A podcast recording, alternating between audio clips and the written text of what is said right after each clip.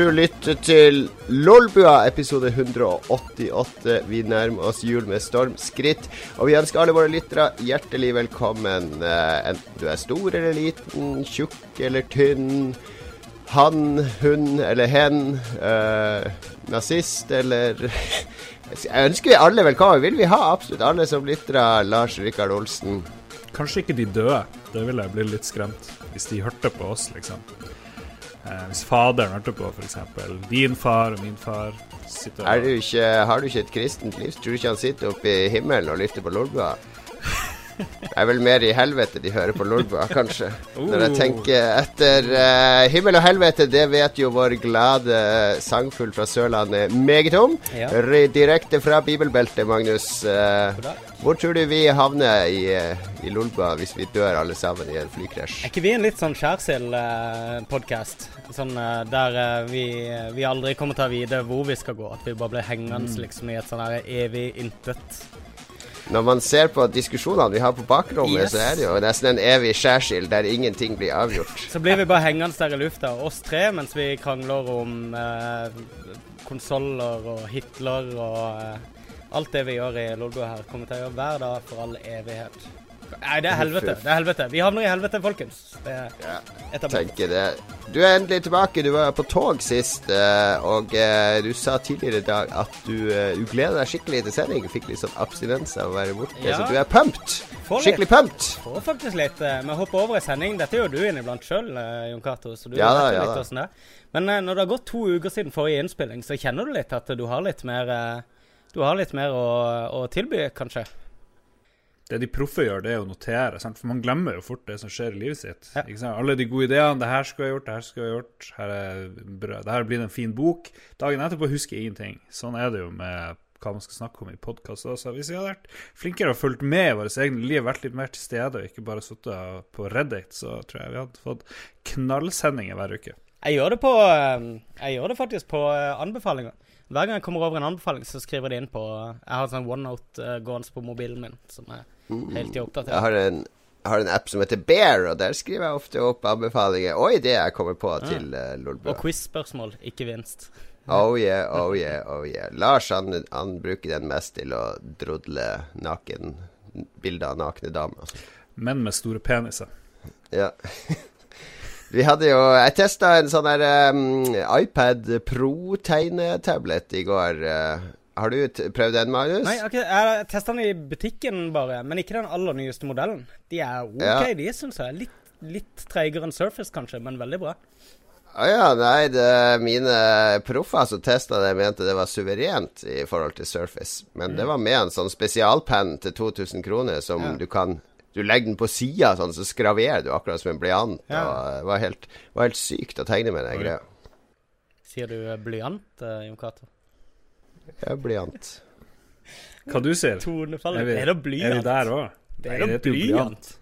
Det blir Hvem er det som har lært dere norsk oppe i Nord-Norge der? Der har de rare Nei, det er jo, det er jo dere søringer som kom opp og skulle lære oss norsk, så har dere gjort en jævla dårlig jobb. Ja, vi har det, men det er jo en gjeng med, med lærevansker vi har møtt på oppi der. Eh. Åpenbart. Nå vel.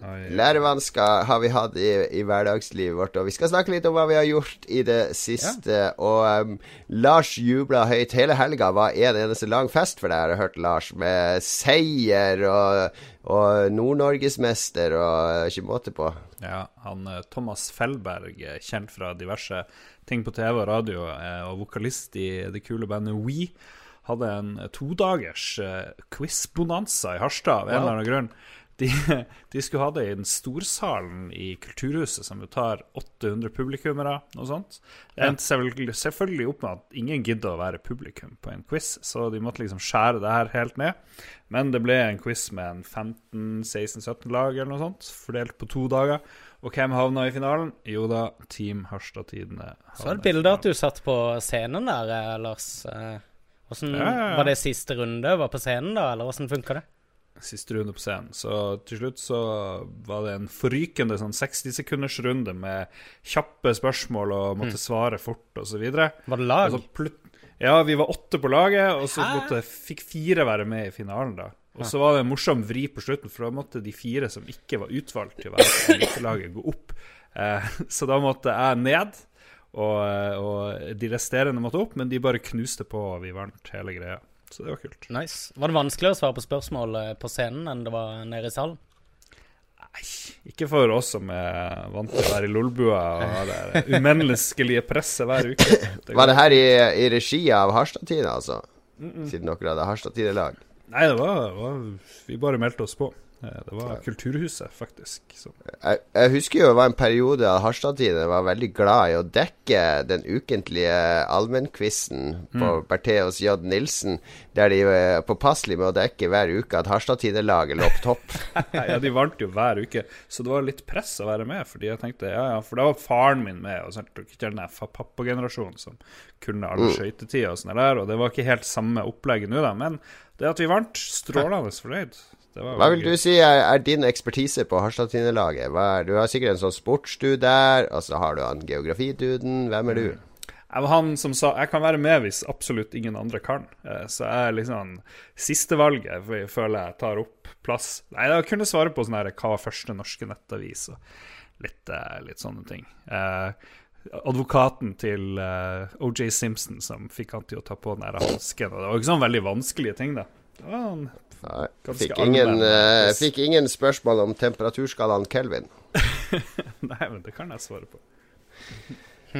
Du kan, du kan. Uh, Magnus, ja. uh, du har uh, gått full multikulturell, skjønner jeg, ut av sendeskjemaet. Du ja. hatt du, du har, Ditt nyttårsforsett var jo, som mange sikkert ikke husker, at du skulle ha én sånn der temafest fra Sør-Amerika hver uke dette året. Ja. Du har hatt Brasil-fest, Peru-fest, fransk Giana-fest, og denne uka var det chilenerfest. Det var turen der til Chile, ja. Uh, og uh, for å feire en Chile-temafest, så reiste jeg til Kristiansand. Um, mm. Det var det jeg drev med mens dere spilte inn uh, sending. Og um, småsug reiste jeg til Kristiansand. En kompis av meg som er chilener, fylte 40 år. Så jeg var til bursdag.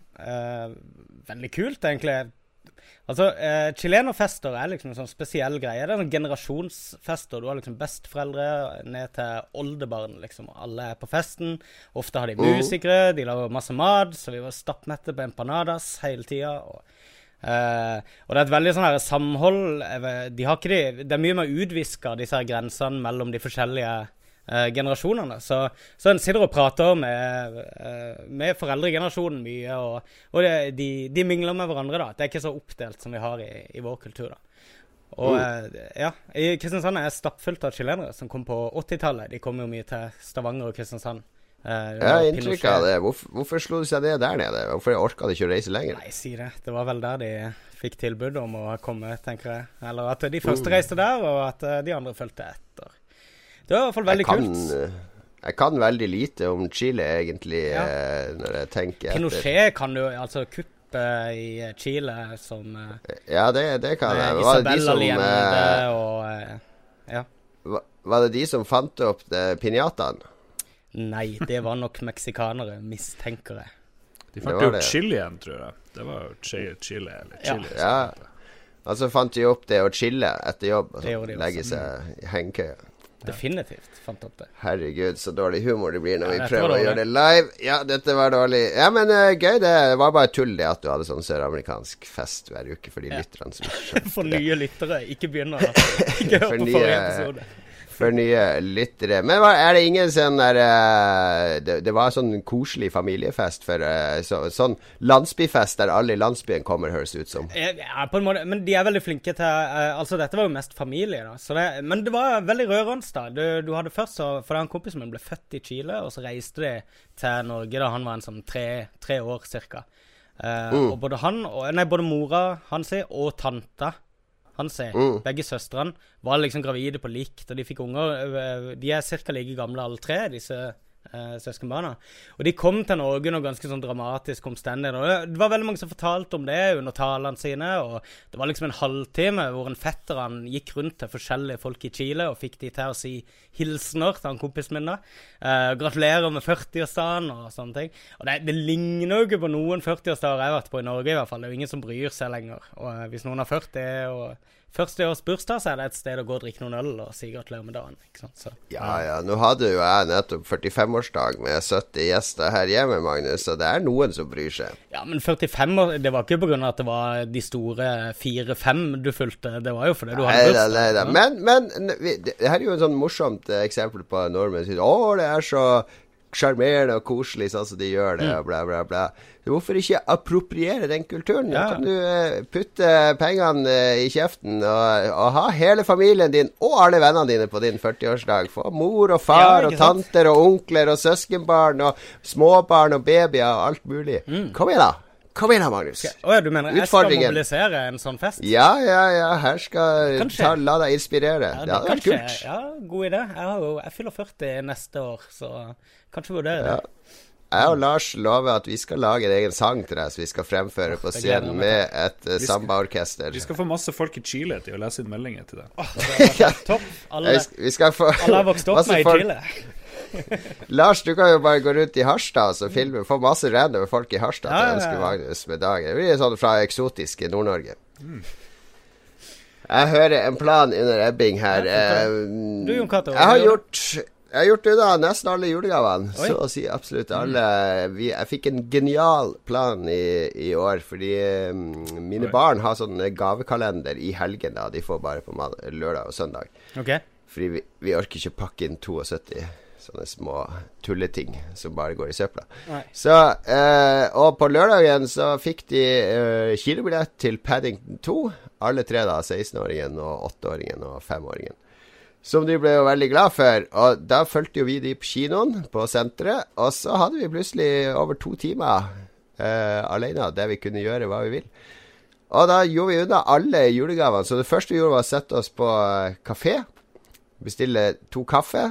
Og så gikk vi gjennom julegavelista, og så satt jeg med fem browsere oppe på telefon og bestilte julegaver fra diverse nettbutikker. For det- Ja, de har det sikkert der borte. Sier jeg ja, men de har det her. Jeg bestiller bare. Jeg orker ikke å gå på andre sida av senteret og stå i en lang kø er for å få det i en pose. Det er Så dårlige greier for det lokale næringslivet. Det, hvis nok folk gjør det, så er det ingen som blir gidder å fære på det. Ja, men kjøpesenter Det får da være måte på hva man skal støtte okay, opp om. De er okay, ok. generiske kjøpesentrene. Men dagen etter så gjorde jeg unna de siste. Da tok jeg med meg de to minste barna ned på Outland. Og så får de litt penger hver, for da skal de kjøpe gaver til hverandre, da. Til, eh, til eh, store Eller Mm. til brødrene sine.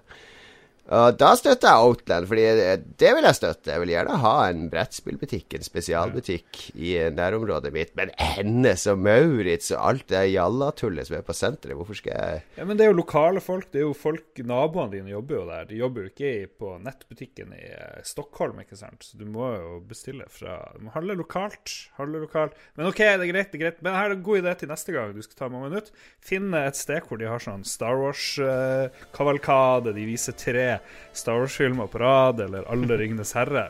Og Hobbiten. Da får du være i fred i to dager hvis du eh, ser noen ungene dit. Så det er kalenderen neste uke, tipper jeg. Jeg skal ta det til etterretning.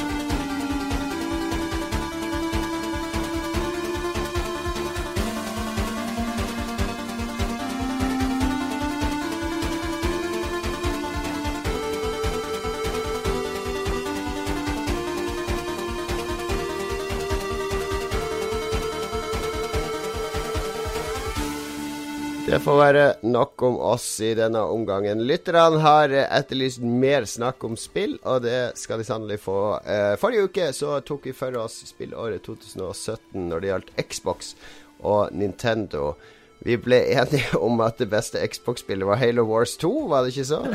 Ja, enstemmig. For det var det eneste Du hadde ikke spilt noen spill på Xbox, så jeg hadde bare spilt det. Ja. Velkommen til kvalitetspodkasten Lolbua. Sånn var det. You snooze, you lose. Yes. Men det, jeg, jeg syns jo det var en morsom I det hele tatt. jeg.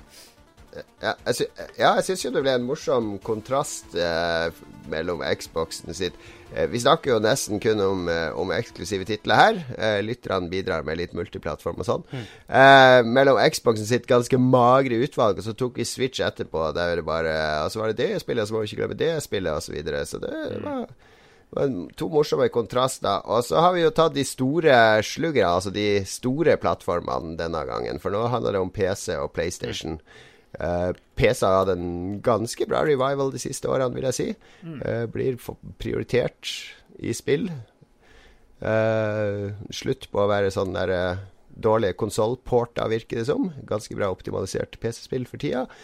Og store storselgere på 20 millioner og sånn, sånn som bare konsollene kunne vise til før. Jeg snakker selvfølgelig om PUBG, Player Unknown Battleground og et Yeah. par andre. Overwatch.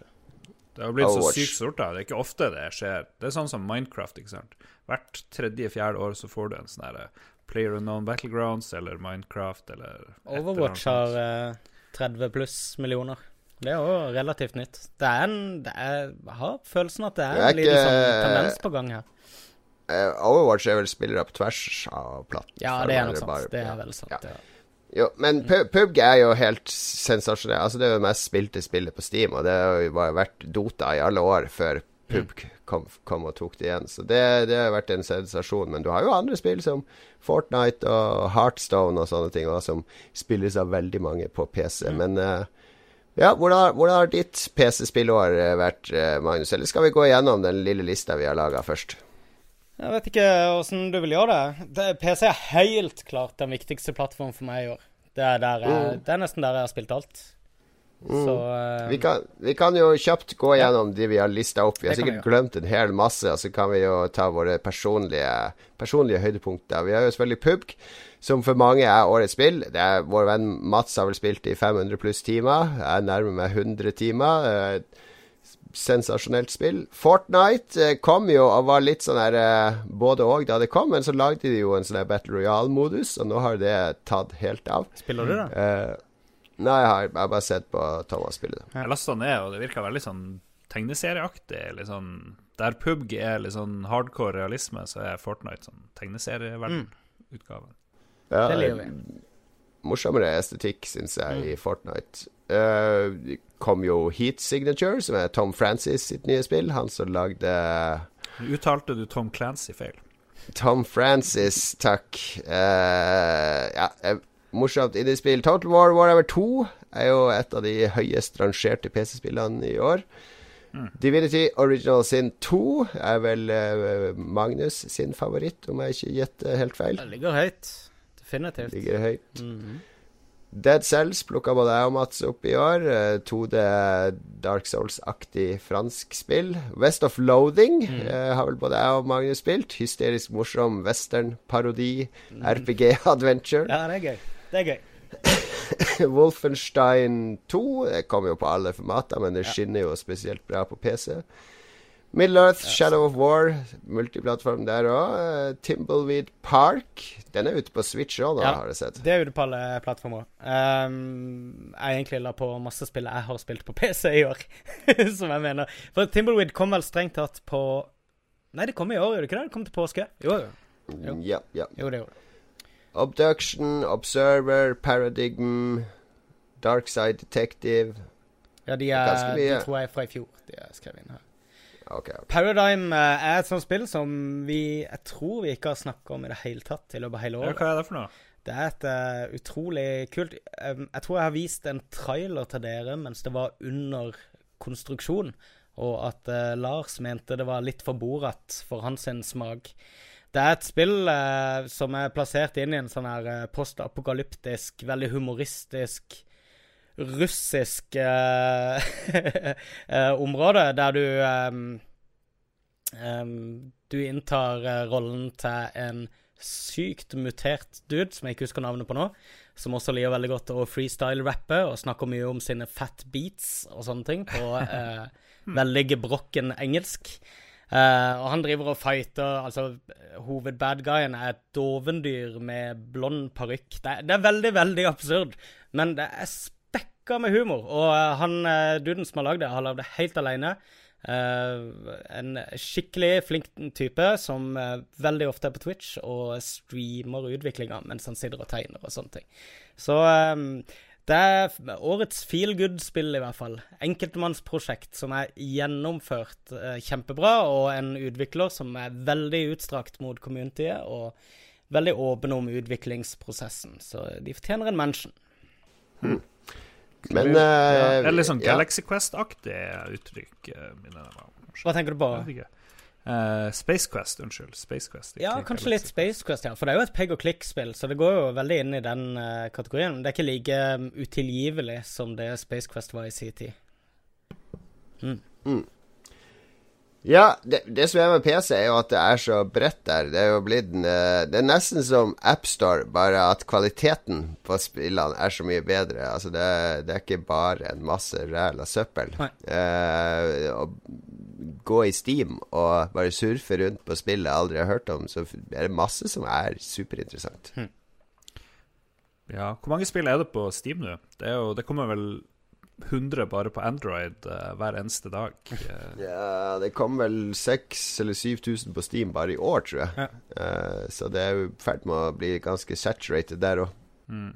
En ting jeg liker, jeg vet at det, det kanskje ikke er så populært uh, hos andre, Uh, jeg er veldig glad i Play Anywhere-løsninga. Jeg skulle ønske Steam også kunne komme opp med en deal med f.eks. med Sony om å innføre sånn Play Anywhere-titler, hvor du kjøper de på PC, men så får du også konsollversjonen. Er en veldig kul uh, greie å kunne veksle mellom konsoll og PC etter hvert som du blir sliten av hvor du sitter, eller uh, mm. har lyst på bedre grafikk eller bedre kontroll i visse deler av spillet. jeg har i hvert fall benytta meg en del av det nå i år, og mm, håper på mer ja. av det i 2018.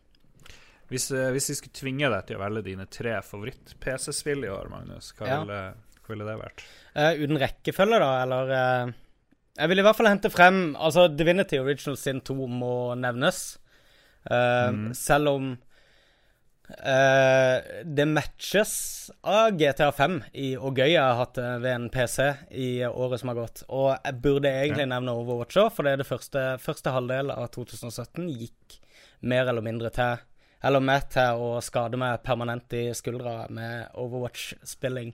Så Det lov, det. Det er lov, ja, ja, det var Overwatch som, som trigga uh, ultralyd slash trykkbølgebehandlinga jeg går gjennom om dagen. ok, Har du da dine tre favoritter, ja. egentlig? Allerede? Ja, det kan vi godt si. Ja. Og hvis du må velge et av de, hva blir det? Uh, altså, uh, Divinity er det eneste som har kommet i Eller som er utgitt i år. Så det er veldig lett å bare diskvalifisere de to andre. Um, Okay. Så jeg kan feige ut med den. uh, men uh, honorable mention til både Timbleweed Park og Paradigm, altså. Uh, de, det er boblere på okay. kvalitetsspill som er gitt ut i år. Begge to er peg og klikk-spill, og begge to er klassiske peg og klikk-spill. Så hvis du okay. liker eventyrspill, så har det vært et bra år siden det er dere to som har spilt det, så kan jeg være litt sånn den som spør dere. Men vet, du tipper at han Jon Cato kommer til å ikke nevne et sånn huge-spill, men kanskje tre sånn litt sånn mindre, mm. mindre perler, litt sånn indie-aktige greier. Har jeg rett her, eller? Uh, nei, jeg må jo ha med PubG. Det er jo det jeg har spilt mest på PC i år. Altså, uh, vil jeg gjerne ha med um, West of Loading òg, fordi jeg syns bare det var så crazy, morsomt, tullete. Samtidig veldig høy produksjonsvalue uh, på det. Jeg, jeg leste akkurat en, en uh, intervju i New Yorker. Jeg må jo alltid fremheve hvor intellektuell jeg er i denne podkasten. Med eh, en dame som er filmskaper, som har laga en sånn film om rasisme som ble solgt til Netflix for 12,5 millioner dollar, eller noe sånt, nettopp. Uh, og hun, er sånn, hun spiller dataspill fire timer hver dag. Så reporteren var hjemme og så, så på når hun spilte. Og da skulle hun vise reporteren et av hennes favorittspill, og det var faktisk West of Loading. Yes. Så eh, her snakker vi om en seriøs, ung eh, filmskaper, kvinnelig filmskaper, som henter inspirasjon fra dataspill til Yes. å lage seriøse filmer om rasisme osv. Spillet er jo veldig morsomt, og, Har og vi, du har vi sagt beskrevet Jeg husker jo ikke hva det er, men jeg følger jo ikke så mye med det. Har vi Det er et sånn svart-hvitt uh, westernspill med strektegninger. Det ser ut som det er tegna i paint. Og det ser egentlig helt forferdelig ut, så det var noe motvillig jeg kjøpte det. Men det har en sånn enorm sjarm og en sånn der eh, selvbevissthet på hva det er, og hva det prøver å være. Og alle gåter løses på sånne teite måter. Og det er umulig å ikke le høyt av det. Det er jo en slags åndelig oppfølger til Kingdom of Loathing, som er et gammelt Something Awful Community-klassikerspill som alle spilte der mens det pågikk. Um, så de som har lyst på mer, går for Kingdom of Loathing. Som er, som er Ja. fantasy og ikke western, da. Og siste, siste jeg tar med, er jo Dead Cells. Fordi eh, Første gang jeg hørte om sånn 2D Dark Souls-variant, så var det Salt and Sanctuary, tror jeg det heter. Det kom på PlayStation og noe greier. Og det syns jeg var ganske råttent dårlig. Eh, så da når Mats begynte å prate om det Dead Cells, at det var ganske bra, så var jeg veldig skeptisk, for- for det funka så dårlig i forrige gang. Men det her funker det helt briljant. Det er fantastisk 2D-grafikk og, og spillfølelse og kontroll. Og ganske vanskelig å komme inn i, men når du først kommer inn i det, så blir du hekta. Vi er ikke enige om noen PC-spill, Jon. Ja, hva blir årets PC-spill? Det, Ja. det her er jo vanskelig. Vi er jo enige i at, alt, at det er veldig mye bra. Det er jo bare bra at vi ikke nevner de sammen. Ja, det er faktisk et uh, veldig sunnhetstegn for PC når jeg tenker etter. Um, jeg vet ikke, spilte du Divinity noen gang? Var ikke du innom det? Ja. Nei, du begynte Jeg på har bare eneren. spi- du. spilt eneren, Ja, så jeg kan ikke si Men jeg skjønner jo at toeren er bra. Men eh, det blir galskap å si noe annet enn PUBG, spør du meg, da. Ja. Um, altså, jeg, jeg, jeg backer jo ikke PubG, så uh, Men Lars, uh, nei, du spiller jo ingenting Jeg har ikke PC. spilt noe, men Og- hvis, um, hvis Mats skulle liksom ha tiebreaker, Ja, så så, tror jeg kanskje Så er det nok PubG han hadde Ja, gått for. Jeg tror du har rett i det. Mest sannsynlig. Men det, vi, we don't know. For alt vi vet, så er Mats død. Han skulle komme med sine årets spill til oss, men kun stillhet fra Nordsjøen.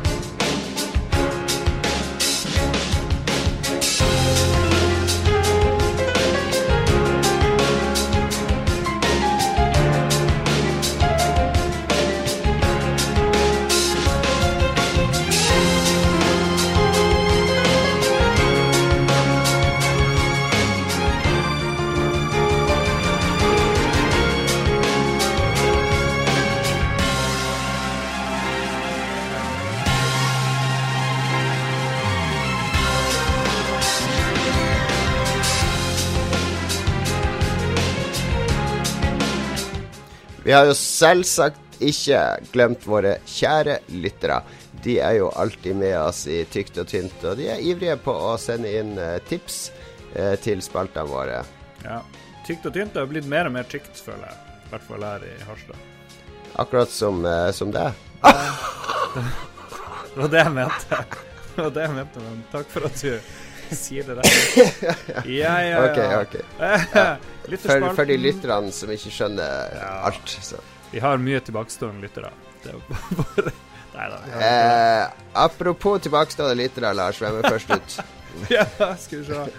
Anders Berlaren er jo en av våre smarteste. Han er ikke, han er ikke Nei, Han tilbakestående. er veldig smart. Eh, hør, hør dette resonnementet. Witcher 3 er hans eh, Game of the Year på PC, men det kom ut i 2015, sier du. Ja, kanskje ikke så smart. Nei, men det ser fortsatt overlegent bra ut, sier han. Han kjører smooth på hans ganske mediocre laptop. Og dessuten fikk han Goti-versjonen til under 200 kroner. Det er det som gjør PC overlegent. Oi, oi, oi. PC Master Race! Eneste minuset med Witcher 3 er at det er mye bedre å spille det med konsollkontroll. Jeg er uenig. jeg har spilt masse uh, Witcher. Det er, jeg, jeg har ennå ikke runda det. Har du runda det, Jon? Nei. Ingen har- har runda det. Ingen har runda det spillet. Nei, men jeg har sikkert 100 timer i det, tror jeg. Og eh, jeg er så vidt i gang med den ene expansion. Det det er så sykt bra og mye å gjøre der.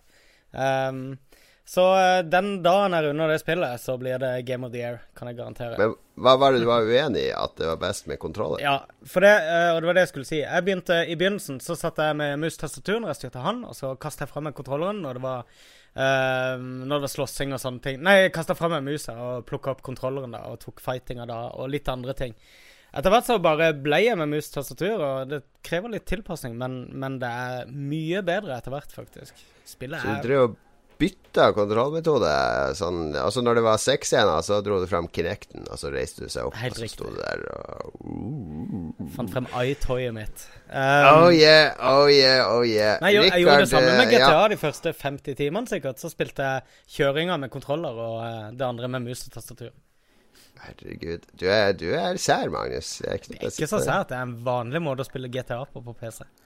Hva med ratt til kjøringa, altså kontroller når du går rundt, og så mus og tastatur når du skyter? Jeg har jo ikke lappen, så jeg har ingenting å tjene på et ratt og pedaloppsett i det hele tatt. Du må ikke ha!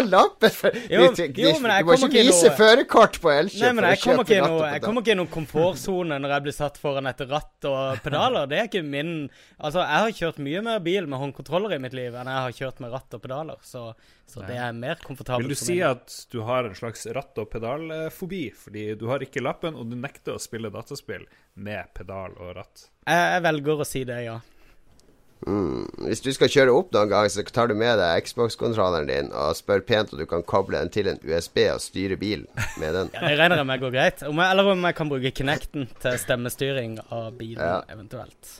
Rikard Martinsen Koteng, gruppeadministrator. Det var veldig voldsomt Han navn. skifta navn nå til tittelen sin. Dead Cells og PlayerUnknown's Battleground. Førstnevnte er frustrerende as fuck i startfasen, men så løsner det, og da blir det bare kjærleik. Ja, vi har veldig lyst til å spille Dead Cells, det, det må jeg si. En mann av min smak, Rikard. Magnus Eide Sandstad. Han eh, backer deg på eh, Han backer Rikard på eh, PUBG. Som har gitt mange timer frustrasjon, sinne, glede og samleie, faktisk. OK. Oi. What?! Ikke samleie, da, skriver han. Uh, det skrev jeg bare for ikke å skrive det samme som så mange andre sikkert kommer til å gjøre. Men du blir overraska over mange som hevder de har hatt samleie, og som spiller PUBG, Magnus. Akkurat nå prøver vi å skape nye opplevelser i Division, forteller han, etter å ha fullført Xbox-utgaven i sommer. Det har jaggu vært på tilbud også, så det er bare kos. Så, Ja, for det kom en svær update til The Division, og du var jo vår eh, Division-mann, ja. Lars. Har du vært inne? Det var min hvilecrack mellom Destiny 1 og Destiny 2. Så var det The Division ganske mye. Og det var jo bra, men så var det veldig upopulært. Og så har det blitt kjempebra mens jeg ikke har spilt det. Så jeg er litt sånn, litt sånn eh, nysgjerrig, faktisk. har du, uh, har du henta deg inn på, eh, på Mortal Kombat X også? Vet du om det har skjedd noe? Uh, min nye Mortal Kombat X blir jo Soul Calibur 5, eller nå enn det som Ah. er på vei. Det blir annonsert. Kommer du til å kjøpe jo. den dyreste versjonen av den? Nei, der har jeg kanskje lært eh, noe. Men det har vi jo glemt. Det må vi jo nevne kanskje en eller annen gang. F.eks. de her spillnyhetene. Vi skal ikke nevne noe, men hva syns dere om den nye traileren til eh, Death Stranding fra han eh, Kojima? Vet du hva, Jeg har ikke sett den ennå. Har du ikke gidder ikke. Det er jo konge. Det er jo sinnssykt bra. Ja. Eh, Kojima, det er uh, bedre bare spille spillet når det kommer, enn å sitte og se på det galskapen, uh, filmgalskap. Mange vil jo si at det går ut på ett, uh, Jon Cato. Det å se på film og det å spille et Kojima-spill. Ja. hvorfor se cutsidene før du må se dem? Jeg er enig. Det er min, min filosofi her. Ja, men det, han, er jo, han er jo David Lynch uh, på, av spillverden. Det, Nei, han er David Lynch av filmverden. Det er litt det som er problemet hans. okay, Det kan okay, diskuseres. Okay. Robert Carstensen har en stygg innrømmelse å komme med. Godeste Robert vet det er en synd, men han elsker faktisk Mass Effect Andromeda. Og den havner nesten på topp, sammen med What Remains of Edith Finch. Uh, ja, det er et veldig flott spill. Det, har, det har dere vel spilt? Nei, spilt, Nei, det det faktisk. ligger og venter, faktisk. Det, Bør spilles, bør ja, spilles. det er på watchlista mi. Det vant, ja, eh, en award i der Game Award, som vi også har glemt å nevne. Og det var jo der de visste den der Death Stranding. Mm. Ja. Får ikke med ting. Doritos Awards eh, nevner vi ikke her. Vi Det var jævlig bra. Det var jævlig bra. Det var fått en- første Game Awardsen som var bra, vil spør du meg. Nei, det har vært mange gode gullstikker.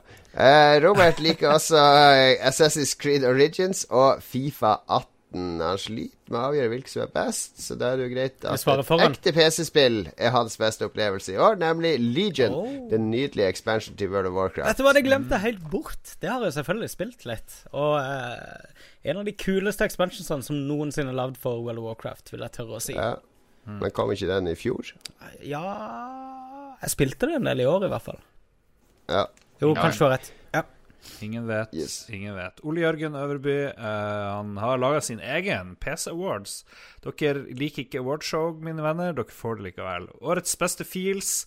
Badekarscenen i What Remains of Edith Finch. Vi må spille det. Mm. No spoilers! No spoilers. Årets beste grafikk, Hellblade. Oi, oi, oi. Uh, mulig konsollbrødrene også fikk dette spillet, men Bøndene. PC, PC Master Race On så har de jo ikke spilt det før de har fått det på et 1080 TI-kart. Ja, ja, ja. ja. Best, Hell yeah. Beste lyddesign, Hellblade. Beste Yes. Early Access-spill, PUBG. Årets beste gamle spill som fortsatt holder koken, Overwatch. Goti, Total War, Warhammer 2. Eh, bra smak på um, Ja. Ole Jørgen, føler jeg. OJ OK. Marius, Marius oh, Ja, Magnus. Marius Haug Skogekker. Han uh, sier kun én ting, og det er Total War Warhammer 2. Jeg har veldig lyst på det spillet. Ja. Jeg, er sånn, jeg, jeg er redd for at jeg bare kommer til å spille tutorial og litt til, og det koster jo 600 spenn, så jeg er litt Men skeptisk. spill eneren først, hvis ikke du har spilt det.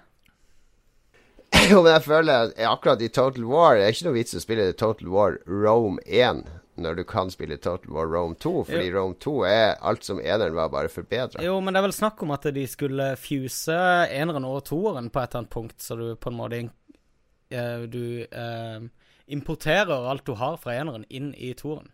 Herregud, hvor mange jokes vel- vi trenger på dette nå. Jesus Christ, nå ble det X-rated her. Du kan infuse eneren i toeren på din egen fritid, Magnus. Ikke jeg sa importere er alt du har i eneren, inn i toeren. Ja, ja, ja. Det gjør du u- etter sending, når du har kameraet av. Yes. Takk. Det krever to personer som er veldig glad i hverandre for å gjennomføre akkurat det. Hans Christian Klingen, nier automater for et spill. Virker på meg som at mange bare spiller gjennom én gang og tenker der er et helt decent hack and slash, men runde to, og ikke minst tre, er magiske. Blood and Wine stilte også sterkt, kom sent i gang med det, men det hører kanskje til fjoråret. Vi, skil, vi driter i år Det er her i Lolbua. Hvilke spill har du hatt det gøyest med i år? Jeg mener, den Årets største spillopplevelse bør jo være årets største spillopplevelse, ikke årets største spillutgivelse. Helt rett. Håkon Kleppe Nordmaren er sistemann som får lov å si noe som helst om PC-spill. Gorn, fantastisk bra PC-opplevelse, anbefales alle med tilgang til Vive. To ord om Gorn, er det noen som vet hva det er? Aner ikke. Aner ikke. Finn det ut sjøl. Gorn.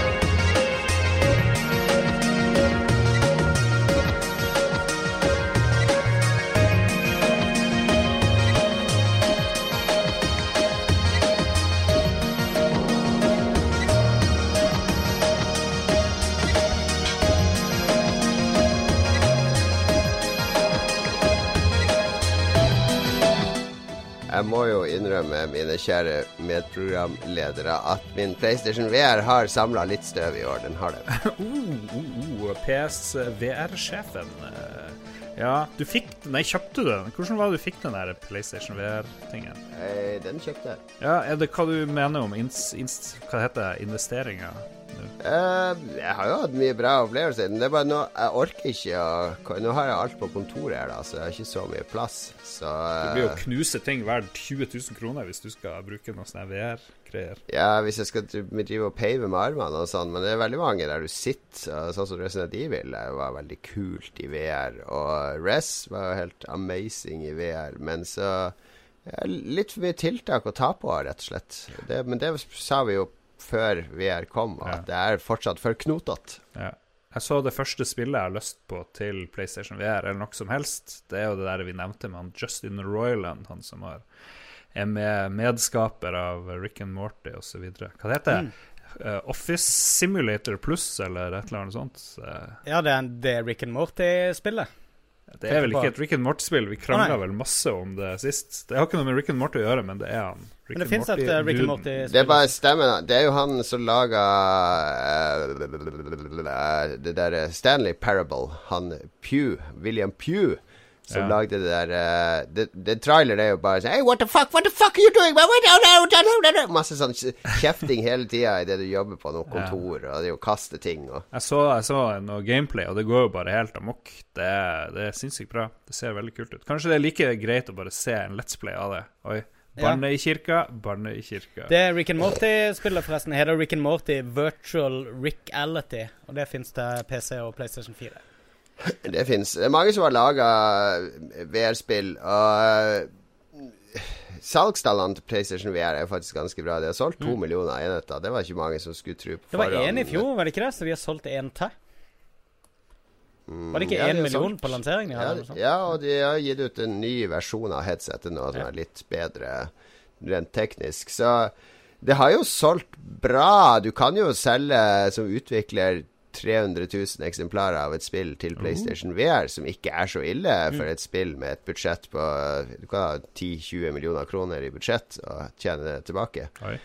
Så, men det blir jo ikke det blir ikke sånn Resident Evil-størrelse på spillene, men det er et viable er... marked hvis du vil eksperimentere med VR på PlayStation akkurat nå. Men du kan spille faktisk Resident Evil 7, kan du ikke det, på PlayStation VR? Det skal jo være en av de største opplevelsene på ja. VR. Aldri i livet om jeg skal spille det. Aldri. Jeg skal aldri spille det i VR. Episode 200 så skal du spille det på scenen. Å, herregud. Hun der bossen. Skal, Første bossen i spillet. Hun der dama med den der vepsepissen som uh, går rundt og Å, herregud, så kjip hun er. Magnus skal sitte i VR på scenen, og så skal hele entorasjet snike seg opp. Skal hun ta av oss alle klærne og så stå med rumpene våre helt inntil. Så når han kommer ut av VR i panikk, ah, så ser man sånn omringa av hårete herrerumpe. Det blir en saftig metoo etter den, kan jeg love deg. no, me, ja, ja, metoo. Lars kommer til å si metoo, metoo. Jeg vil også sitte der. Eh, spilte du noen gang det Psychonauts-spillet? Det der Rombus of Ruin, uh, Jon Cato. Kom. Kom aldri så langt, Nei. dessverre. Det er det mest interessante spillet, tror jeg, for meg på VR. Men VR med her og VR med der. PlayStation er ikke bare PlayStation VR. Vi skal jo ta for oss PlayStation 4-året også. Ja, eller PS Vita-året, som noen kaller det.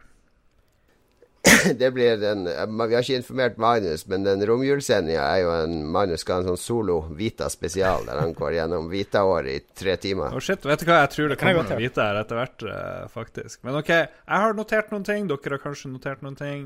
Um, oh, nå kom jeg på noe uh, Jeg må få lov å avbryte, fordi hvis Magnus skal lage en artikkel om de beste Vita-spillene, så kan overskriften være 'Verdt å vite'.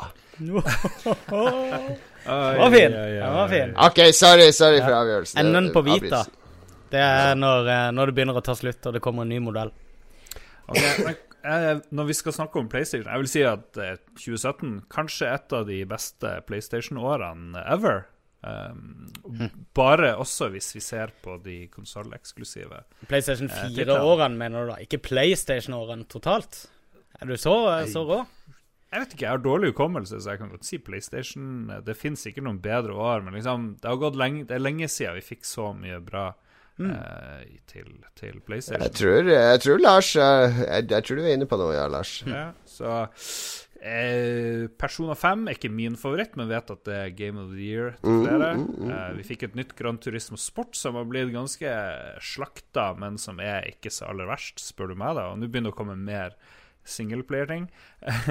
jeg nevner bare NEC 2, for det, det, har sikkert ingen av oss spilt. Men uh, jeg kom jeg på det. det. Du har spilt det? Du har spilt ja. NEC 2? Oh, ja. Mm. Jesus. Det har du ikke fortalt så mye om. tror jeg. Nei, um, kan vi ikke bare Det er ikke så mye å Gå nevne. videre. Kan vi ikke bare ta det som et, eh, som et tegn på Ja, ja, ja. Uh, vi har spilt Everybody's Golf på hytteturen. De som ikke har hørt hytteturepisoden, må sjekke ut det. Så har du jo det her Hellblade er jo egentlig ikke eksklusivt, men uh, mange som liker det. Ser jævlig bra ut på PS4 òg. Kom nytt Crash Bandicoot, som er veldig, veldig gøy, syns jeg. Kom nytt Uncharted, Lost Legacy, helt OK, spør du meg, men det var jo selvfølgelig Game of the Year for noen, plutselig. Eh, nytt Wipeout Collection fikk vi. Mye sånn remix Kingdom Hearts-remix-drit. Både Jeg skjønner ikke hva jeg skrev her. Kingdom Hearts 1,5 pluss 2,5 HD remix. Høres, høres ut som Kingdom ja, men, Hearts. Kingdom var, det ikke to, var det ikke en sånn dobbeltpack med to forskjellige spill i den der? Nei, jeg husker ikke. Jeg La oss ikke diskutere King Kingdom, Hearts. Gå videre. herregud. Ja. Hvis du liker Kingdom Hearts, så kan du finne en annen på Nei da. Du kan få lov å høre på det. Ok, uh, Horizon Zero Dawn uh, likte veldig mange. Jeg spilte jo kanskje nesten 100 timer ut av det. Eh, så kom det plutselig noe nytt fra de her finske vennene våre. Uh, Nex-makene. Hva de heter de som eh, gir det ut? Uh, Nech, Nechmarsjen, ja, er ikke det? Hvordan uttaler du det? Nesh? Nesh? Nech, Nech. Ok, Det er jo uh, su, Hva heter de? Ikke Supercell. De som ga ut uh, Superstardust og alt mulig rart. Ok, Pyre, Gravity Rush 2, Yakuza 0, Nio, Nier og så Hva er det her for noe? Observer? Hva er det for noe? Det var meg som slang det på helt på slutten, for det er det eh, beste spillet jeg har spilt på PlayStation i år. What? Hva var det for noe? Det er Rutger Hauer. Ja, ja, ja. ja. Faen, det har jeg glemt. Tusen takk for Og så at du kom minner meg på det. uh, Så kommer vel også Yakuza 1-remaken kommer da på PlayStation 4 i høst. Kom begge to i år? Jeg trodde jeg den ene kun var Japan. Jeg. Tror begge kom. Yakuza 6 er vel bare i Japan foreløpig. Ah, ja. Og nå har vi, nå har vi nevnt sånn her nesten 20 spill, og alle er kun å få til konsoll på PlayStation. Og det syns jeg er ganske heftig, for det, det er liksom her er det noe for alle. Og så har du, må du legge til da selvfølgelig Assassin's Creed og Call of Duty og Destiny og jeg vet faen, en milliard andre spill. Så det er, det er happy Sterk times. lineup. Sterk lineup. Ja, Et sterkt år for PlayStation 4. Hvis jeg skal velge meg tre favoritter, veldig enkelt. Jeg går for Nex eh, Marsna fra Housemarky Games, eh, våre finske venner. Eh, fantastisk eh, spill. Jeg spilte faktisk litt på hytteturen. Uh, når jeg skulle slappe av oppe. Jeg var lei av alt bråket nede fra all fylle og alt spetakkelet. Pyre Elsker Pyre. Uh, basketball-rollespill fra Supergiant uh, Games. Folka bak Bastion. Og til slutt selvfølgelig Yakuza Zero. Få drive en nattklubb og danse, synge karaoke. Rett og slett livet. Yakuza. Det er livet, gutta. Det er livet. Livet i den japanske mafiaen. Å ja, ja. Eller som den norske tittelen på Yakuza-spillene er Hjelp! Vi er i den japanske mafiaen. Ok. Hvis jeg skal velge kun noen PlayStation-eksklusive greier, så må jeg velge nyere automater. Eh, jeg kunne spilt det mer, og jeg har tenkt å gjøre det, men liksom Det bare, det lever inni meg, og jeg blir så glad hver gang jeg hører musikken osv. Det er liksom Det er ganske awesome. Men det har ikke heroinfaktoren som f.eks. Destiny 2 har, som jo overvelder meg fullstendig. Så må jeg nevne Horizon Zero Dawn. Forza Horizon Zero Dawn, unnskyld. som jeg, jeg, vil, jeg vil sidestille gameplay og fotomode i det spillet, for jeg har hatt like mye glede av begge deler. Um, og hovedstoryen var ganske grei. Spill nummer tre, jeg vet faen. Gran Turismo, kanskje det? Noe sånt. Uh, enten yeah. det eller Nio. Nio var veldig gøy. Jeg sier Gran Turismo Sport. Det er sikkert ingen andre som blir å velge et sportsspill eh, av oss, egentlig. Do it. Manu, Magnus, skal du velge, eller skal du bare holde én knapp på Observer? Uh, nei, jeg, jeg har spilt Jeg har jo vært innom de fleste eksklusive titlene som har kommet på PlayStation i år. Selv om jeg kanskje ikke har brukt så mye tid på de. Men uh, Hellblade og Observer er nok de to jeg helt klart har kost meg mest med på PlayStation i år. Eh, Horizon har jeg liksom bare en time med, og jeg, har ikke kommet helt i gang med det. Jeg tror det blir litt galt å liksom kjøre det opp som Goti for min del. Men uh, ja, det er nok det Ja, Uncharted er vel det tredje mest, spill, eh, mest spilte spillet, men det nekter å nominere. Så Hellblade, Observer og Horizon.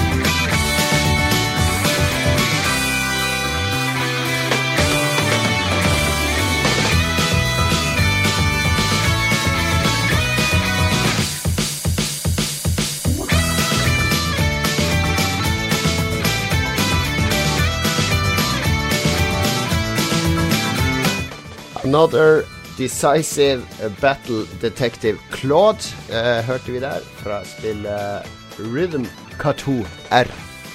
Okay. Så vet dere det. Ja, fengende, fengende rytmer. Ja, det vi kan har nevnt, er jo at all musikken fra og med forrige episode er jo live, eller det kan jo være unntak. da. Så egentlig, er, Men er det Vi bør jo si fra hva vi har spilt. Eh, på et eller annet vis. Jeg, har liksom, jeg ligger veldig bakpå på å skrive hvilken musikk jeg har hatt de siste ti episodene, tror jeg. eh, hvor jeg putta inn musikk.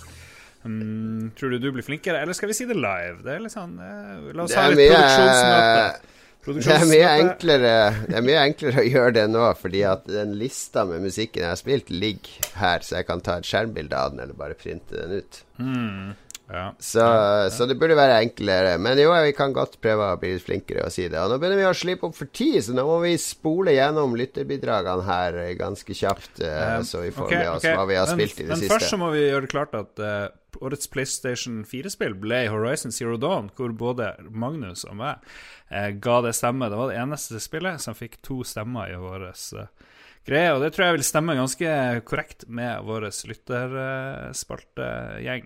Hvis ikke vi skal nevne Nevnte vi det Vita-greiene, Magnus? Nei. Um, jeg tenkte bare jeg skulle ta det med siden, siden jeg må nevne Vita. At eh, et spill jeg brukte veldig mye tid på nå i uh, påska, da jeg reiste til USA, var Danganronpa Trigger Happy Havoc for, eh, for Vita. Anbefales på det aller, aller, aller varmeste. Det er vel nå også remix, eller remaker for eh, PS4, for de som absolutt vil spille det på en TV. Men det er et ypperlig håndholdt spill. Årets spill for Vita, altså. Danganronpa Trigger Happy Havoc. Fikk vi kåra det, ja? Kult. Ser meg ut som en danganronpa, hele dere. Jens Arthur Leirbakk han er nok en danganronpa fra Harstad, som uh, sier at det siste det han har spilt mest i det siste, er Destiny 2, The Rise of Danganronpa. Uh, det han har spilt mest i 2017, er Ghost Recon Danganronpa. Så for meg, for han, så er det Ghost Recon Danganronpa. Så nei, ja. Ghost Recon Wildlands, som er Jens Arthur sin favoritt. Jeg spilte mye av det. Likte det, likte det også. Hans GM sier Yakuza Zero Horizon Dawn. Å, shit. Fikk han inn to spill der? Yakuza Zero og Horizon Zero Force Forsa et eller annet. Tore Hågås sier Horizon Zero Diesel og Persona 5 kniver om toppen hos han. Vi skal ha episode 200, så skal vi ha en sånn Horizon Zero Dawn performance eh, challenge til hvor alle i publikum kan komme opp og så frijazze. Horizon Zero Diesel, Forza Horizon Zero Dawn.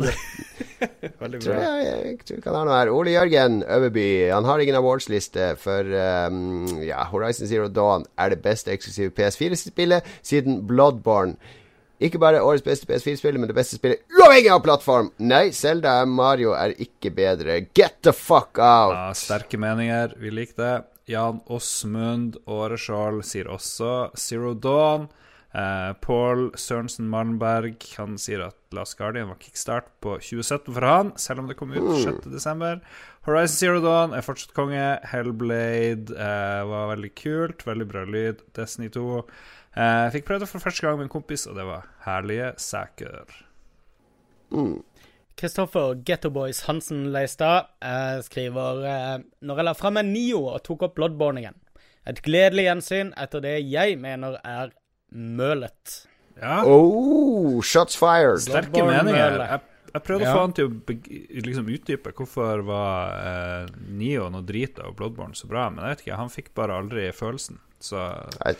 Ja. Jeg syns det jeg likte minst med Nio, var bosskampene, for de syns jeg er litt kulere i Souls-spillene. Fordi der, der kan du Ja, det er litt Du kan leke deg litt mer med våpen og sånn, men mm. Nio så har ikke det så mye å si hvilke våpen du har. Det er sånn her eh, Ja, rutiner.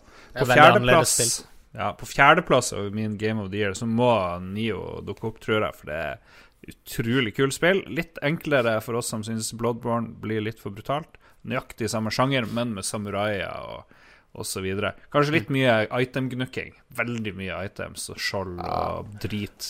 Det er det. Altfor mye lut. Og så er det skikkelig dårlig PC-port òg, så PC Master Race gir tommelen ned. okay. Karstein Pettersen, da. Eh, overraskende, overraskende nok, Ghost Recon Wildlands kjøpte det på tilbud, men har virkelig kost seg med spillet. Ja, ja, det er bra. Flere, flere som nevner det. Det har vel vi tre ignorert totalt. Ja, kanskje vi må eh, Kanskje vi må gå til innkjøp, folkens, og ta en liten coop om ikke lenge til. Trond Sinfor Borgersen i hvert fall eh, skriver at hans høydepunkt var da han styla sine første biler i Gran Turismo Sport. Mm.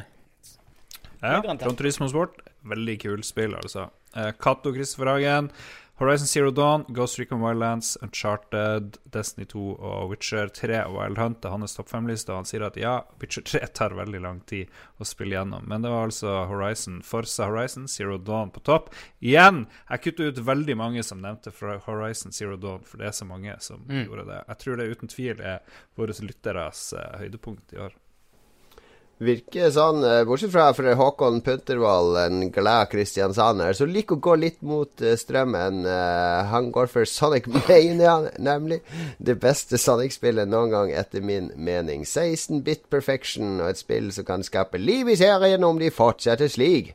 Det er nok ingen Goti, men en honorable mention, syns han. Er Sørlandet Sonics hjembygd? Det er beste Sonic noensinne. Tre av seks. Bjarte Rossehaugs han eh, henter selvfølgelig frem Persona 5 og eh, Forsa Zero Dawn. Veldig bra. Veldig bra. Pluss en haug med folk som nevner Horizon, legger Lars til her. Bare for å understreke for Ja. oss som leser skjema.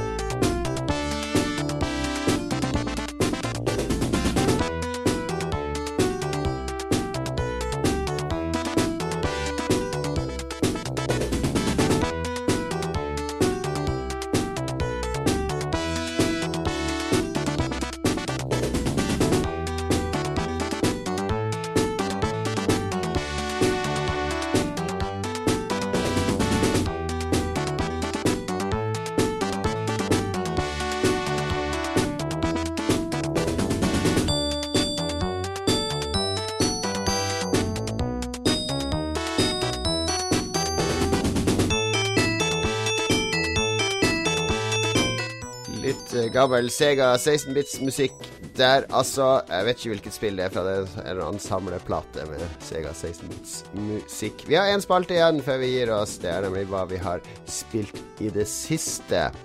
Uh, jeg kan begynne, for jeg har spilt det som alle hater, og det som ingen vil høre om. Jeg har egentlig bare spilt uh, Destiny 2 i det siste. Jeg er jo så dum at jeg begynte jo å spille det på PlayStation, for det er jo der alle mine konsollbøndevenner er. Eh, blant annet du, Lars, og en hel haug med nei, Omtrent alle på hytteturen Mm. eh, spiller det Ja. der. Så jeg er jo med og raider og sånne ting der. Eh, og så har jeg selvfølgelig spilt på PC òg, fordi det, det, er, det er faktisk et litt annet spill på PC. Det er en helt annen følelse. Ja, ja, ja. ja. Bla, bla, bla, bla, bla. Så jeg vil jo Jeg, spil, jeg spilte ganske mye på PC etter Trials of Curse of Osiris kom. Mm. Syns jo denne expansionen funker helt som forventa. Jeg har masse å gjøre. Jeg har ikke uendelig med tid å spille, så jeg har alltid noe å gjøre nå. Det er ikke bare de her faste milestones. Eh, spiller litt med vår venn Frank og et par andre folk i en klan jeg er med i. Koser meg masse med Destiny. Jeg må si jeg, jeg blir uh, Jeg er glad jeg ikke jobber i Bungie når du ser på alt det hatet de får av eh, av folk som Ja, har bare kjøpt hovedspillet, jeg forventer å ta raid eh, Hvor mange er det som faktisk skal spille raidet på Prestige, som ikke har kjøpt expansion? Jeg, skjønner Det er mye oppkonstruerte problemstillinger, men de har knødd det til mye. De har gjort mye dårlige valg, og de har liksom en sånn eh, abonnementsmodell som er via expansion-pakker Mm. og in-app purchaser, og de, de har spent mye bein for seg sjøl. Ja. Men selve spillinga er fortsatt gøy. Og jeg har tatt, vi har spilt det nye raidet. Jeg vet ikke om du har prøvd det ennå, Lars? Jeg kom til siste fase av bossen, og det gikk overraskende fort å komme dit. Så det var veldig gøy, syns jeg.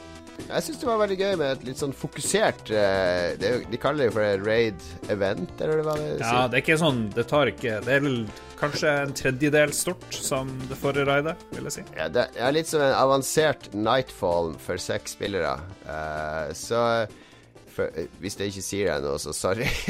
Nei, det, det er sånn lagbasert uh, Ganske hardt oppdrag. Men jeg uh, syns det var veldig kul setting, og mye hopping og synkronisering. Og mm. mye mer lekent enn det vanlige raidet, som jeg syns er et, kanskje det svakeste i Destiny sin historie. Jo da, jo da. Nei, det, jeg likte det. Jeg likte det. Mm. Uh, og så gleder jeg meg veldig til denne uka, når de åpner Masterworks-våpen. og Uh, vendors skal begynne å selge ting. Og jeg håper det blir litt mer liv, litt mer uh, behov for å utforske og, og, samle på ting og gjøre ting. Ja, Og så driver de og skal nerfe den her eh, mest kraftige Mest kraftige våpenet ever. Hva det heter for noe? En eller annen Prism, et eller annet. Pro Prometheus Lens. Prometheus Lens, ja. Som har vært utrolig gøy. Det er en sånn her laserstråle som gjør at når du springer inn i uh, PVP, i Crucible, så er det åtte stråler bare overalt. bare Og det er ufattelig gøy, og så blir du drept på et halvt sekund. Men hvis du er flink, sånn som visse folk er, så vinner du hver eneste kamp med Prometheus Lens. Og nå skal de nerfe den. Det kom en tweet i dag fra Bungie. Eh, vi skal gjøre Prometheus Lens Vi skal nerfe den mer enn vi trenger, liksom. Eh, for de har ikke tid å playteste det. Litt kjedelig. Ja, Var det ikke snakk om at de skulle fjerne den ganske lenge? Altså at den kommer tilbake om flere uker? Nei da, den er bare skikkelig meganerfa, så det er ingen som blir å bruke den. Så, så der er jo selvfølgelig mange folk blitt veldig sur. Men eh, sånn som jeg sa til noen da jeg spilte i går online, jeg tror at de har den De bøffa Prometheus Lens masse. For den Akkurat sånn som med Vex Mytoclast i Destiny 1, kom det plutselig ut et våpen som er tusen ganger sterkere enn andre. Og det blir masse word of mouth. Alle skal snakke om Destiny, og alle vil ha det våpenet. Og så fikk jo alle det våpenet òg. Liksom, de kasta det etter det. det er litt mor morsomt med det våpenet òg, er at du kunne kjøpe det selv om du ikke hadde expansion. Og sur i helga. Så alle de som ikke har kjøpt uh, utvidelsen, logga jo på i helga på nytt for å kjøpe det. Mm. Ja, så jeg tror, jeg, tror det, jeg tror, det, er noe juks. Jeg tror de bare gjør det med vilje. Å det er akkurat som når VG sender ut Facebook-meldinger med masse skrivefeil. De må jo se at det er skrivefeil. De bare gjør det for at masse folk skal kommentere, så sprer det seg ut. Konspirasjon. Så lenge det er gøy, så kan de konspirere så mye de vil. Det var morsomt med den Prometheus Lens. Det er artig at man har ting å snakke om, selv om det er regissert og fake news osv. Det, det er bare et spill. Det er bare et spill. Magnus, du er også tilbake på kjøret igjen. Står ned på Plata og kjøper kortpakker og pakker opp over en lav sko. Yes. Jeg har uh, tatt turen tilbake til Heartstone. Gammel uh, flamme for min del. Um, mm. Det som World of Warcraft-kortspillet, uh, altså. Ja, men de fleste vet vel hva Jeg vet ikke hvor mange titalls millioner som spiller det spillet, men utbredt er det jo. Um, det har kommet en ny expansion der til, som uh, heter uh, Cobolds and Catacombs. Som Sier du uh, Cobold? Hva sier du? du ko kobold. Kobold, ja. Der har vi, der har vi uttalen som vi leide etter. Lars, stå back me up her. Selvfølgelig er det kobold. Ja, ja. ja, herregud. Jeg får helt vondt inni meg. Lingvisten i meg ligger og griner i fosterstilling akkurat nå. Men disse koboldene, da, og katakombs, regner jeg med du vil si, uh, Yokato. I hvert fall en expansion. Uh, helt ny expansion til Heartstone. Jeg har, hatt, jeg har slitt litt med nye uh, Heartstone expansions uh, de siste gangene jeg har kommet, for jeg har mista litt oversikten over kortene. Og etter hvert, når, når, det kommer nye kort, nye kort, nye kort, og de liksom De faser ut kort etter hvert som de blir eldre også, så hver gang jeg kom tilbake til spillet, så følte jeg var en helt ny verden. Jeg var nødt til å liksom begynne å lese meg opp fra bunnen av igjen. Og hver gang jeg skulle sette mm. sammen et dekk bare i arena, så måtte jeg lese på alle kortene. Ja, det gidder jeg ikke. Det, nei, ikke det, krever, det, krever, mye av deg som spiller å være med i metaen. Ja, ikke sant? Og sånne, og, sånne levende kortspill. Og, men, men, så har de jo begynt da med, med disse singleplayer-dungeonsene, uh, som de begynte med i tidligere expansions også, hvor du Eh, får veldig sånn konkrete bosser du skal fighte, og der du lærer en del om å bygge et dekk for å liksom uh, uh, klare visse puzzles, da. Så for å unlocke kort. Tingen er at nå har de inkludert en ny singleplayer-mode som heter Dungeon Run. Som er dritfett! Det som er greia her, er at du trenger ikke kunne noen ting om spillet, eller ha noe oversikt over metaen, eller bra kort og dårlig kort, eller noen ting. For du begynner med et lite knippe kort. Du velger først en klasse. Så, velger, eh, så, får du eh, eh, Jeg tror du får 10 i HP, eller 15 i HP, og 10-15 kort i hånda di. Um, så begynner du å fighte bosser. Og det er kun bosser du fighter. Og det fins en hel haug med bosser lagt inn i spillet, og det er random hvilke bosser du fighter. Hver boss har hver sine special attacks, som blir kraftigere jo lenger ned i rekka du møter dem. Og, um, og etter hvert som du banker bosser, så får du nye ditt? Hva sier du? Redda du glasset ditt? Yes, det gjorde jeg. Men etter hvert som du eh, Etter hvert som du da eh, begynner å fighte boss etter boss etter boss, og du begynner å slå det, så, så får du belønninger i form av enten sånne passive skills du har, f.eks. at alle death rattles eh, trigges to ganger istedenfor én gang, ikke sant? Eh, og i tillegg så kan du hele tida velge nye knipper med kort som bygger ut dekket ditt, uh, til å liksom komplementere disse nye skillsene du har fått til.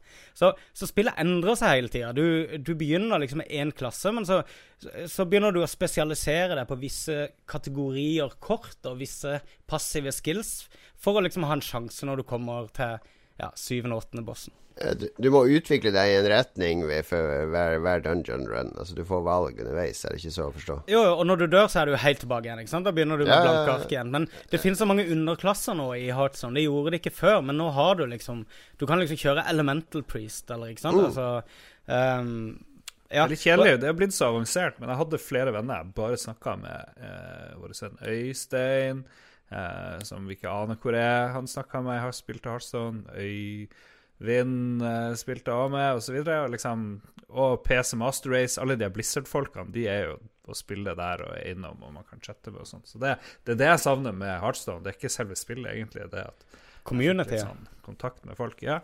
Ja, men, men jeg ville i hvert fall gått inn og prøvd Hvis, hvis du føler liksom at, at Hearthstone har løpt fra deg, og at du egentlig savner spillet, men du har, du har ikke peiling lenger, så, så anbefaler jeg ta en tur tilbake og sjekke ut Dungeon Run. Jeg er litt usikker, men jeg tror det skal være tilgjengelig for alle. Uh, det er en veldig fet modus, i hvert fall. Jeg er veldig frista. Jeg liker eh, rogue-aspektet med at du resetter hver gang og, og må ta valg underveis. Og at det er liksom du som går opp i level, fordi du etter hvert så lærer du deg hvilke kort som kanskje kan komme, og hvilke komboer som fungerer. Er ikke bare handler om å samle kort i all evighet og sette sammen de samme deksa som alle de andre. Ja, nei, du kan ikke bygge deks på samme måte. Du får bare valgt tre nye kort eh, hver gang du vinner, liksom. Så Jeg skjønte, skjønte det. ja, ja, OK. Ja. Nei, jeg Alright, anbefales på det varmeste, ja. i hvert fall. Sweet, sweet. Siste, siste spill ut, uh, Lars Rikard. Yeah. Vi rekker vi rekker ukens anbefaling òg, eller hva?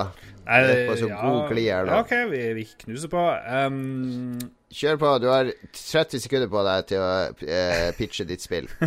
Steamworld Dig 2 er lagd av et svensk selskap, tror jeg. Noe som høres ut som en, en islandskklingende sjef. Eh, veldig lite viktig å få med i min 30 sekunders pitch. Men du skal grave deg så langt ned i jorda du klarer. Eh, det er litt sånn eh, Du oppgraderer evnene dine, du oppgraderer øksa di, lyset ditt. Plutselig kan du slenge ut en grappling hook, og så kan du liksom eh, dobbelthoppe Nei, det kan du ikke. Men du kan gjøre masse ting, og du kan liksom gjøre spillet vanskeligere og enklere ved å modde det etter hvert. Og du kan grave deg til sida og nedover, men aldri oppover, så det er litt sånn taktisk hvordan du skal grave deg. Og det er en slags story, og det her Steamworld-universet er fantastisk. Det finnes noe som heter Steamworld Heist og Steamworld ditt og Steamworld datt, og alle er jævlig bra. Og det her er et perfekt julespill. Steamworld Dig 2, rolig, koselig, ingen tidspress. Du bare får å undersøke ting og tang i hule.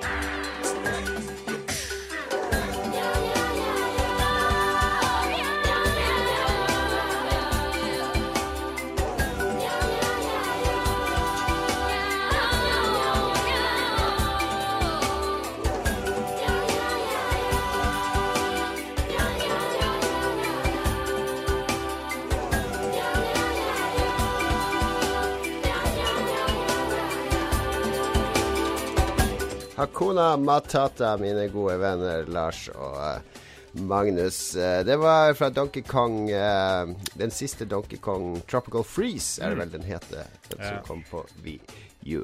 Jeg glemte å si at jeg spilte på PlayStation 4, men jeg tror det finnes de, de fleste plattformer der. Steamworld Dig 2, som eh, Kanskje det, hvis jeg hadde spilt litt mer, så hadde det kommet opp i min topp tre. For jeg spilte veldig mye i det siste.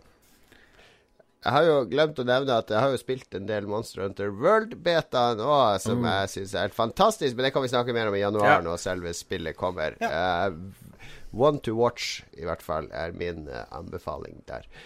Apropos anbefaling. Ukas anbefaling skal vi ta med helt på tampen. Det blir litt over en time, men det er vel ingen lyttere som klager på det. Har vi noen gang fått klagebrev på at det blir for, er for langt? Nei, Det er jo bare å høre når du vil, og trykke på stopp når du vil. Jeg skjønner ikke helt det der eh, opplegget. Ja. Det er jo mer at de som sitter og prater, plutselig soner ut og ikke kanskje mister litt piffen. Det er vel heller det. Ja. Jeg, jeg, jeg, må jo si sjøl når jeg hører på podkaster der de skal prate en halv time om noe som er ganske kjedelig, så jeg blir det for lenge. Men jeg føler vi er, vi er ganske bra tempo, da. Ganske bra flyt. Ja.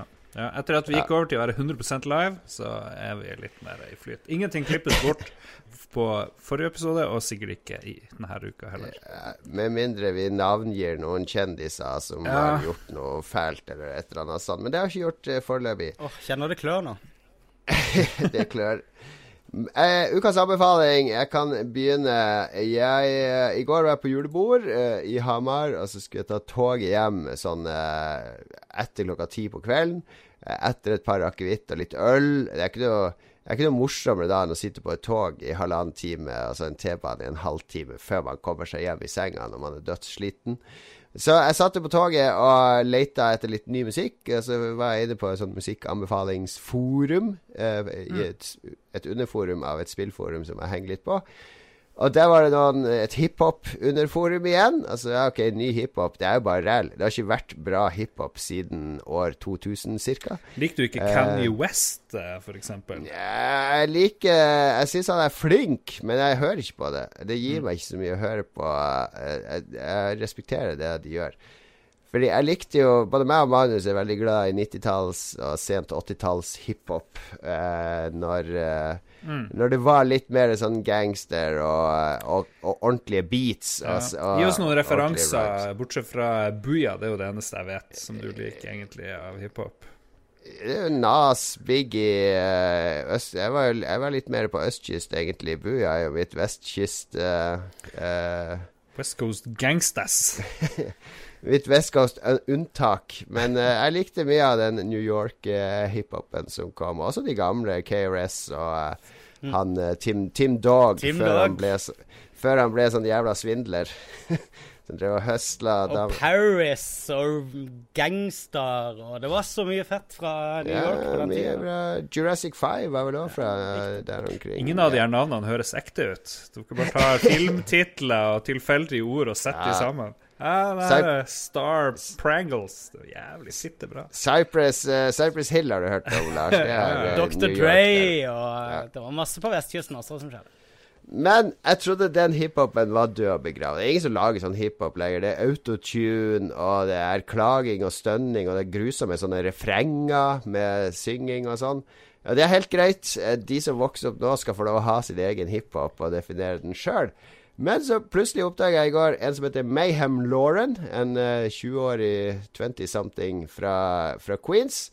Som sammen med DJ Muggs, som egentlig heter Larry Muggerud Han var jo DJ-en i Cypress Hill. Ja, norsk. Har, ja, han har laga en hardcore 90-tallsaktig hiphop-plate som bare er rim på rim, og det er masse hva- I'm gonna ja, Det er referanser til Candy Crush og Megaman og Nintendo og uh, skyting og dame og tjall og alt det Alt det morsomme som hiphopen handla om på 90-tallet. Men så er det, det er så tight og pent, og de videoene er litt uh, morsomme. Og det var ordentlig Det var som å oppdage noe fra 90-tallet som jeg ikke hadde hørt før. Jeg kunne nesten ikke tro at det var laga i år. This nigga Melo said fuck a J.O. My people playing Halo while they bagging up the yayo. We still reckless. Stones on my left fist. Kingfish for breakfast. Fam, you can check this. I do this Nice. for niggas. Okay. jeg hørte litt på plata.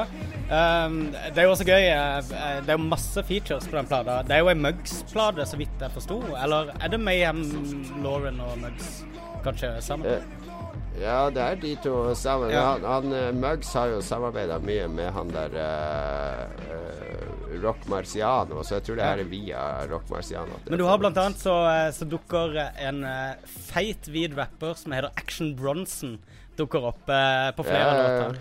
Og for de som har vært litt på Munchies, eh, altså Vice.com sin matsatsing Hvis du går inn på nettet på Munchies og sjekker ut matprogrammene til Action Bronson, så tror jeg du kommer til å kose deg godt. Det er en feit, feit, ekstremt stein rapper som er relativt flink til å lage mat også. Så, eh, og han lager veldig mye uh, feit og kjip mat. Men jeg hørte litt på plata. Jeg syns det var ganske kult. Og jeg er helt enig med deg. Det, det sender tankene tilbake til, til 90-tallet. Men det gikk ganske kort tid før jeg heiv meg på noe 90-talls-hiphop i stedet.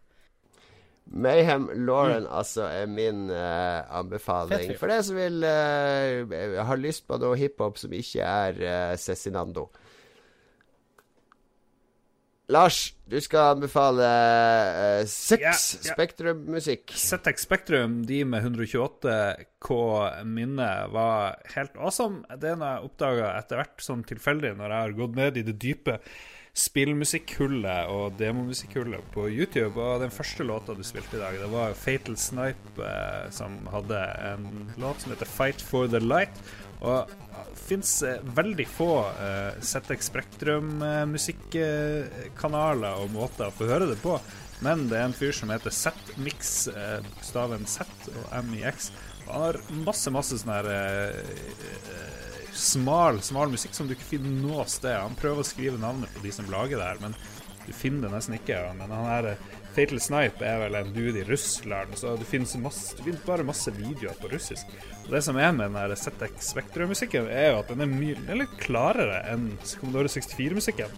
Eh, det finnes mye, mye mindre, men lydbildet er ikke noe dårligere, eh, vil jeg si, enn Commodore 64. Så hvis noen har noen gode tips, send det inn til, eh, til meg. Hvis du klarer å finne tak i eh, en eller annen måte å gjøre det på. Jeg vil ha mer ZX Spektrum-musikk, for det er super awesome.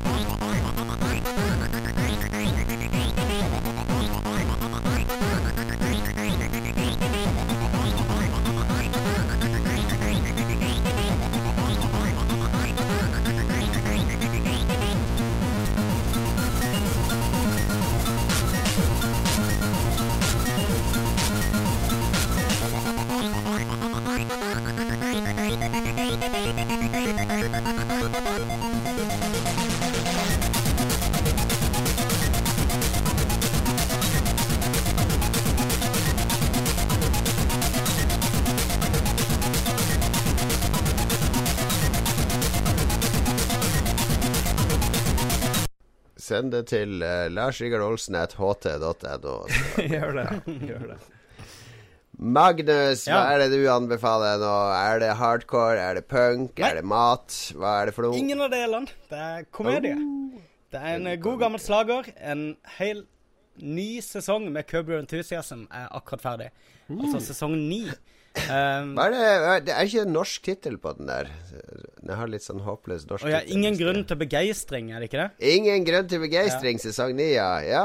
Er OK Bra oversettelse, egentlig. tittel. Ja, Ja, det jeg synes han er ok. Um, men, eh, men han ligner nok i det. Uh, men han er dødsbra. Det er så sykt, fordi Larry David kommer tilbake etter uh, er det seks år, syv år, noe sånt. Han har vært vekke uh, fra Kirby Enthusiasm. Alle skuespillerne er mye eldre. Eh, du forventer bare en sånn her eh, litt sånn her halvslapp uh, Holde konseptet i live-greie. Men det er, det er som om ingenting har skjedd. Jeg binga meg nettopp gjennom hele Curb uh, fra begynnelse til slutt. Og eh, overgangen fra eh, sesong åtte, som da er fra 2011 eller noe sånt, til 2000 eh, Eller til den som eh, to, eh, Sesong ni, som nettopp eh, ble fullført. Det er veldig liten overgang, faktisk, bortsett fra at de plutselig blir litt eh, gråere og tykkere, en del av de. Eh, Denne gangen så har han Han skal lage Fatwa the Musical, da. Så han har lagd en sånn humoristisk eh, musical med, med tema rundt fatwa. Og første liksom TV-intervjuet han gjør, så gjør han masse narr av ayatollahen, da. Og, eh, og så det blir jo utlyst fatwa på Larry David med en gang. så det er liksom greia, altså. da. Selvfølgelig utlystes det fatwa Mm. på Det skal litt baller til å kødde med, med Muhammed og Ja, ja. og ayatollahen og alt det Men der. det er så classy gjort. Det er så bra gjort hele veien. Og det er den der 'Hva har jeg gjort? Jeg, har ikke fortjent dette.' Og alltid verdensvennlig. Jeg tenker at når du er 70 pluss Han er jo ganske gammel, er ikke han 70 år Du, han er ikke så gammel som han ser ut. Han har alltid liksom hatt hvitt hår og den der digre månen sin. Så jeg, bare, jeg, jeg har aldri sjekka opp på er, men han er jo Når, jeg er over 60, tenker jeg. Når du er over 60, ikke sant, Ja. da syns jeg da, da, er det, da kan jeg godt kødde med, med sånne ting. For det er jo ikke så Jeg skal jo dø snart uansett, så om det blir av en om det, blir, ja, om det blir av en selvmordsbomber, eller om jeg skal ligge i en seng og dø av kreft, så er det kanskje litt kulere å bli drept av eh, av ekstremister når du er 70 pluss, enn å bare ligge i en sykeseng og dø. Så da er jo tida moden for å faktisk kødde med sånne ting. Ja, er du David er 70 år, født i 2. juli 1947 i Brooklyn, New York. All right, all right. Hva heter mora og faren? Uh, han er Det var et, det var et tullespørsmål! Herregud. Hun heter Rose. Hun heter Rose. Du spør. Du spør. Hun heter Rose, og faren heter Morty, og det heter jo faren til han Seinfeld, uh, faktisk. I Seinfeld. Hold researchen din til avisa di, eh, mann. Du spør, og du får svar. Det har vært en herlig livesending eh, nok en gang. Vi har eksperimentert med livekjøret vårt. Vi føler at vi blir litt mer på hugget av det. I hvert fall følte jeg og Lars det etter sist gang. Hva syns du, Magnus, om dette livekjøret? Jo, jeg syns det funker fint. Jeg har ikke merka så mye sånn urgency i det vi gjør, men eh, er komfortabelt med, med musikkpauser direkte, syns jeg. Ja, og det er jo altså morsomt for de som faktisk ser oss på YouTube, at nå får dere også med musikken der, helt til vi blir slamma med to-tre copyright Jeg var litt spent på den der andre sangen, for det var henta rett fra uh, Nier Automata. Uh, for der er det Alle de studiosangene har en sånn eh, 8-bit chiptune-versjon. Så jeg prøvde meg på den, men vi fikk ikke opp noen advarsler. Så det gikk helt fint. Vi krysser fingrene. Vi er tilbake neste uke. Det blir siste sending før jul. Det blir en ren julekos-sending. Vi skal finne på noe morsomt før den sendinga. Og så kommer det en Sidbua i romjula, så alle kan kose seg med. Eh, og så dukker vi vel ganske kjapt opp på nyåret. Første nyttårsdag er vel på en mandag, så vi kan vel spille inn allerede andre nyttårsdag. Fram til da kan du følge oss på Facebook, Lolbua, og Twitter, og vi er Ja, finn oss. Si hei hvis du ser oss på gata. Ta capsen til Magnus og løp av gårde. Det liker han. Det er så vittig! Det er Det så var det morsomste som fins. Ja. Inntil da, kos deg videre i adventstida. Ha det bra. Ha det! Ha det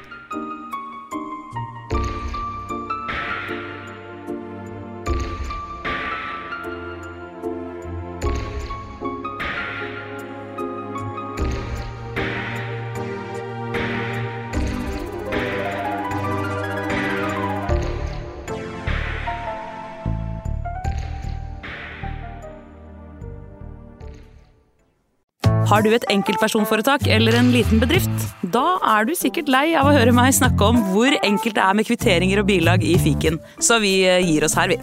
Fordi vi liker enkelt. Fiken superenkelt regnskap.